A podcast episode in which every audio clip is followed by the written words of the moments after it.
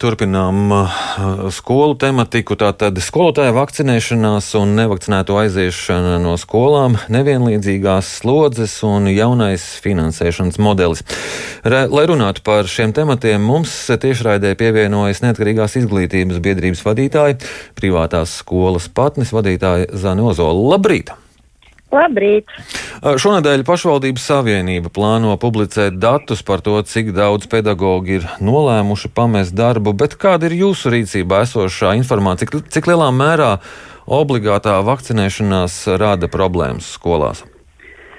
Um, mans komentārs ir tāds, ka uh, bija jau zināms par to, ka no 15. novembra būs spēkā uh, obligātā vakcinēšanās un būtībā nu, skolas varēja sagatavoties, jo, jo lielā mērā jau pazīst savus kolēģus un zināja, kāds būs šis iz, iznākums. Un es gribētu arī piebilst, ka te varēja savu aktivitāti vairāk izrādīt tieši pašvaldības un vairāk strādāt ar, ar, ar šo problēmu, jo bija jau apmēram saprotams, cik daudz un kādu priekšmetu skolotāju nebūs.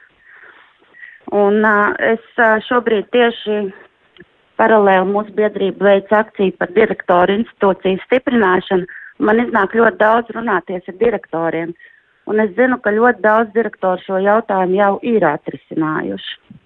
Tā kā es neskatos tā ļoti negatīvi uz šo visu. Un kāda ir šo pašvaldību iesaist šīs problēmas risināšanā?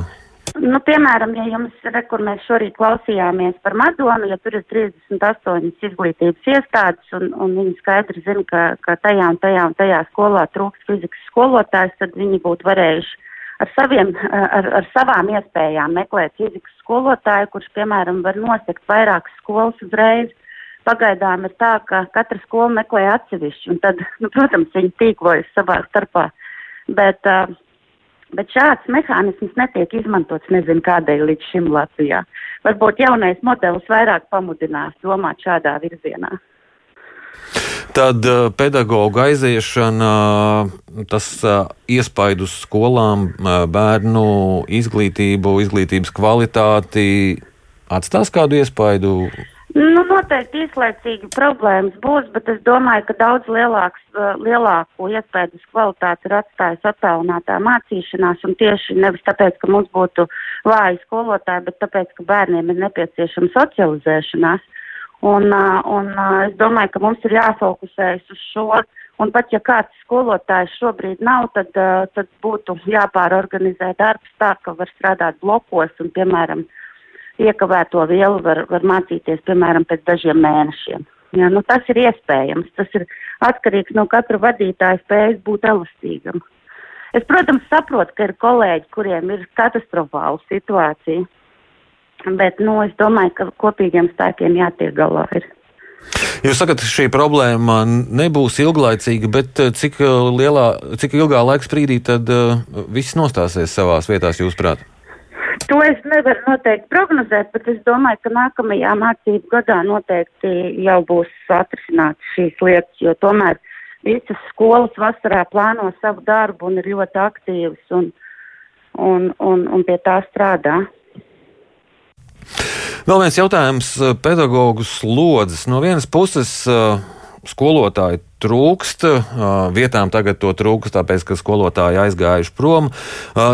Daudzi pedagoģi līdz ar to ir pārstrādājuši, pārstrādājušies, tikmēr citi nestrādā pat pilnu slodzi. Kādas jūs redzat iespējas, kā sabalansēt skolotāju slodzes? Nu, iespējas es atkal redzu tieši tā, ka katrs uh, vadītājs uh, vislabāk redz, kā viņam to sakārtot. Uh, nu, ir tā, ka um, tajā, nu, jūs esat pieskāršies mazajām skolām. Mazajās skolās uh, objektīvi pēc pašreizējām programmām tiek pieprasītas šīs mazās slodzes. Ja, ja tev mazā pamatskolā ir tikai divas fizikas dienā, uh, nedēļā, tad, protams, uh, tur nekāda nevar iznākt liela slodze, bet te es atkal saredzu to, ka uh, te varētu iesaistīties vai nu pašvaldība vai IZMs ar, ar, ar dažādām atbalsta komandām, kas palīdzētu šos trūkumus novērst. Uh, otra lieta ir tā, ka nu, būtībā jau uh, par pārstrādāšanos. Nu, protams, katrs direktors izlūdz savam labākajam matemātikas skolotājam, lai viņš paņem vairāk stundu, jo skaidri zina, ka, ka būs laba kvalitāte, bet no otras puses ir tomēr jāsaprot, nu, ka nedrīkst cilvēkam uzkraut par daudz. Un, un es domāju, ka tas tik tiešām ir atkarīgs tieši no, no vadītāja, kā viņš to sakārto. Tad eh, šeit galvenais akcents jūsu ieskatā būtu uz tieši uz darba organizāciju un, un nevis skolu tīklu sakārtošanu. Skolu tīkls, protams, arī ir jāsakārto, bet nu, būtībā nu, tas ir jādara roku rokā. Uh, mēs nevaram, nu, nevaram teikt, ka vieni ir pārstrādājušies un otri, otriem nepietiek naudas, tāpēc, ka ir slikts skolu tīkls. Ir jāuzņems arī katram sava atbildība.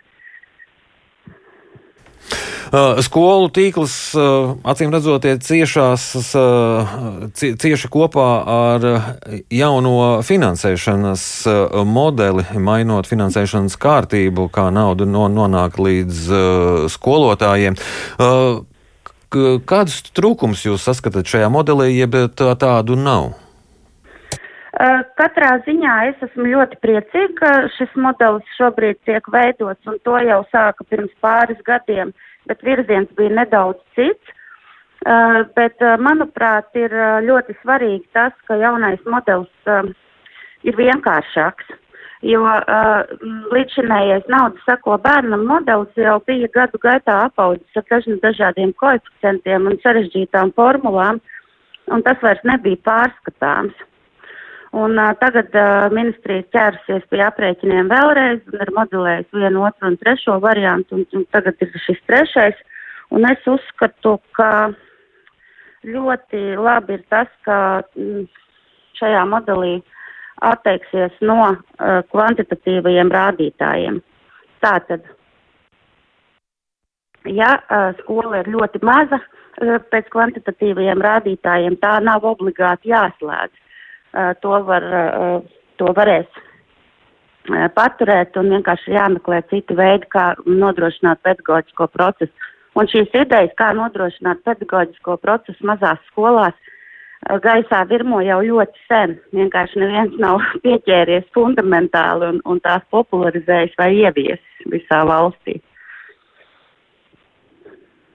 Bet šis jaunais modelis uh, neapaugs, kā jūs sacījāt, ar koeficientiem līdzīgi kā iepriekšējais modelis. To neviens nevar paredzēt.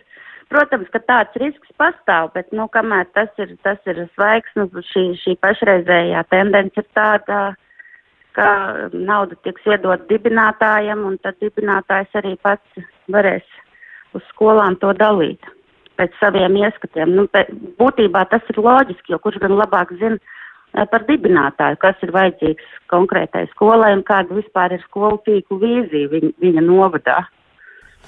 Uh, bet uh, te nav kādi riski ar to, ka dibinātājs savos ieskatos, lūkojoties par šo naudas sadalījumu, aizmirsīs par izglītības kvalitāti? Noteikti nē, jo es saprotu tā, ka tieši šajā modelī ir ietverts tas, ka, ka tiks ļoti daudz, daudz vērības pievērsts kvalitātei, un es saprotu, ka kvalitātes sistēma jau ir tapusi ministrijā un kad drīz sāksies pilotēšana.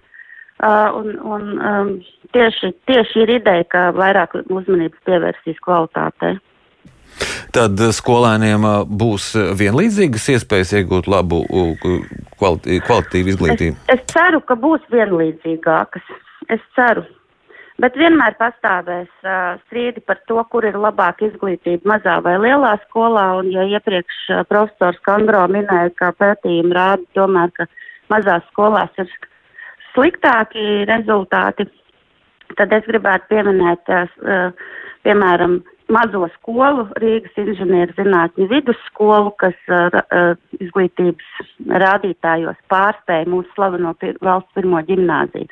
Bet tā ir tiešām ļoti maza skola, un tāpēc, uh, tāpēc šis kritērijs ne, neiztur kritiku. Uh, vienkārši jautājums tik tiešām ir par kvalitāti, un, un ja mēs sekojam līdz kā ikdienā katrs skolotājs darbojas ar katru bērnu, uh, tad, uh, tad mēs varam izmērīt. Mhm vai tā ir laba kvalitāte vai nav laba kvalitāte. Jā, liels paldies jums par šo sarunu. Atgādinu, ka mēs sazinājāmies ar Neatkarīgās izglītības biedrības vadītāju, privātās skolas patnes vadītāju Zani Ozolu.